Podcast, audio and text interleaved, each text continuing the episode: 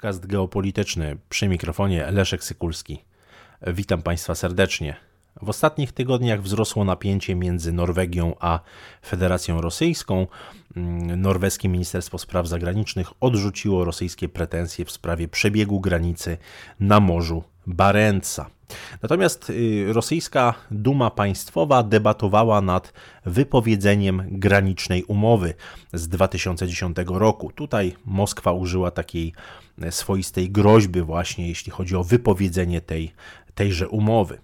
Warto dodać, że to arktyczne Morze Barentsa jest y, tym obszarem spornym między Norwegią a Rosją od wielu, wielu lat. W 1920 roku traktat szpicbergeński przyznał Norwegii prawną jurysdykcję nad archipelagiem Svalbard, który leży właśnie na Morzu Barentsa. Rosja i także inne państwa uzyskały jednak prawo do prowadzenia swoich interesów e, gospodarczych na tym archipelagu. I tutaj warto dodać, że Rosjanie na największej wyspie Svalbardu, czyli na Spitsbergenie, posiadają swoją e, kopalnię węgla. I to właściwie można powiedzieć, mm, na tyle e, sukcesem okazała się ta kopalnia węgla, że wokół niej wyrosło nawet miasto. Miasto o nazwie Barentsburg. E, to rosyjskie miasteczko zresztą jest drugim co do, co do, co do, co do wielkości właśnie na Svalbardzie. E, no i oczywiście tutaj e, pojawia się pewien e, problem związany z delimitacją granicy, granicy morskiej na Morzu Barentsa. Rosja i Norwegia zawarły w 2010 roku osobną dwustronną umowę, która pozwoliła właśnie na delimitację granicy morskiej na Morzu Barentsa i to jest o tyle istotne, że ta delimitacja pozwoliła na podział potencjalnych złóż ropy naftowej i ustalenie dostępu do łowisk. Ta y, umowa, która została y, wdrożona, która weszła w życie w lipcu 2011 roku, była swego rodzaju kompromisem, ponieważ i Oslo, i Moskwa no, musiały zrezygnować z części swoich roszczeń terytorialnych. Natomiast teraz, i to oczywiście nie jest, nie jest żaden przypadek, że teraz w Moskwie odzywa się coraz więcej głosów mówiących, że to porozumienie oznacza dla Rosji utratę zbyt wiele terytorium, to jest kwestia i efekt sankcji, które no, szeroko pojęty kolektywny Zachód wprowadził wobec Federacji Rosyjskiej. Pojawiają się głosy, które mówią o tym, że Rosja straciła 175 tysięcy kilometrów kwadratowych Morza Barentsa. E, pojawiały się głosy e, także w rosyjskiej Dumie Państwowej, że Norwegia uniemożliwia dostawy żywności i ładunków na Svalbard. Na Svalbard. Chodzi właśnie konkretnie o to, o, o to miasto Barentsburg. E, no i pojawiły się te groźby ze strony Moskwy kierowane w stronę Oslo, przyjęcia projektu ustawy, który anulowałby ratyfikację przez Rosję tejże umowy granicznej z Norwegią z 2010 roku. Zresztą tutaj warto także zauważyć, że przewodniczący Dumy Wieczesław Wołodin e, skierował ten projekt do dalszego e, procedowania, nadał mu status pilnego.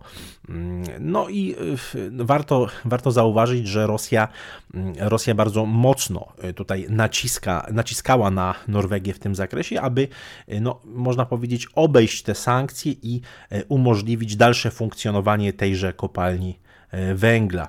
E, Norwegia odpowiedziała, że nie ma mowy o żadnym anulowaniu umowy granicznej, ponieważ no, ten tekst w ogóle porozumienia tego międzynarodowego nie przewiduje jego wypowiedzenia. No i oczywiście Norwegia również y, odrzuca te oskarżenia, że, że jakoby łamie postanowienia traktatu szpicbergeńskiego. Y, natomiast y, jeżeli chodzi o to zatrzymanie rosyjskiego transportu, to Oslo argumentuje, że został on zatrzymany zgodnie z zapisami nałożonymi na Rosję wspólnie z Unią Europejską. Chodzi oczywiście o ten pakiet, na, o, o, ten pakiet sankcji. Mm, tutaj Oslo argumentuje, że transport na Svalbard nie musi się odbywać tirami drogą lądową, że Rosja ma pełną możliwość transportowania towarów do Barentsburga drogą morską. No i oczywiście warto, e, warto y, wspomnieć o tym, jak skończył się przynajmniej na razie ten spór, ponieważ moim zdaniem on nie jest absolutnie wygaszony, natomiast norweskie władze zgodziły się ostatecznie na dostawę towarów dla, dla rosyjskich górników na Svalbardzie. I no, niektórzy komentatorzy mówią, że te groźby Kremla pomogły, natomiast prawda jest taka, że tutaj te dwa kontenery z żywnością dla Barentsburga zostały dostarczone, y, dostarczone drogą, y, drogą morską. I tutaj z powodu sankcji ten ładunek nie mógł być dostarczony przez armatora rosyjskiego. Też warto to, to podkreślić. Ten, ten transport został zapewniony przez przewoźnika norweskiego. No, to też, też warto, warto zauważyć. Faktem jest, że strona norweska, norweska mm, wcześniej jeszcze odmówiła przepuszczenia tych, tych dwóch rosyjskich jednostek z 20 tonami ładunku, y, natomiast y, no, doszło do pewnego tutaj kompromisu. Faktem jest, że y, obszar Arktyki jest coraz częściej nazywany obszarem nowej wielkiej gry. Mówi się tutaj o polarnej wielkiej grze.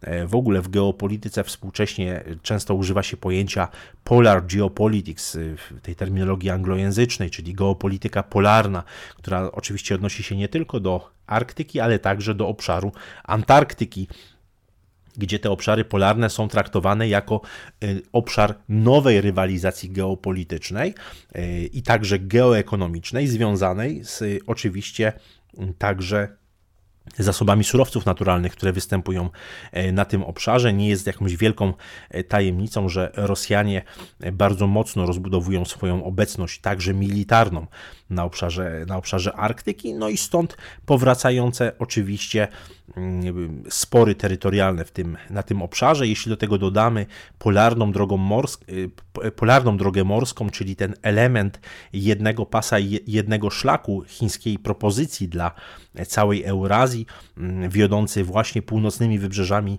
Federacji Rosyjskiej, no widzimy, że mamy do czynienia rzeczywiście z ogromnym wyścigiem o y, skrócenie łańcucha dostaw y, z Azji Wschodniej do Europy i ten obszar jest y, dzisiaj coraz istotniejszy pod względem strategicznym, już nie tylko pod względem mm, powiedzmy związanym tylko i wyłącznie z obszarem militarnym, ale szeroko pojętą rywalizacją geopolityczną. Dzisiaj wszystkie liczące się e, mocarstwa świata starają się e, no, eksplorować te zasoby, zasoby Arktyki, a przynajmniej sobie tworzyć taką bazę do eksploracji tych, e, tych zasobów.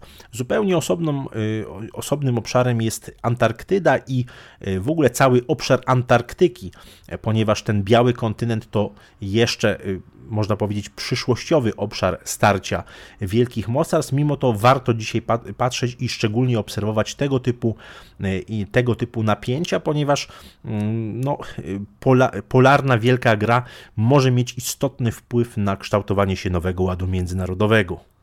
Dziękuję Państwu za uwagę.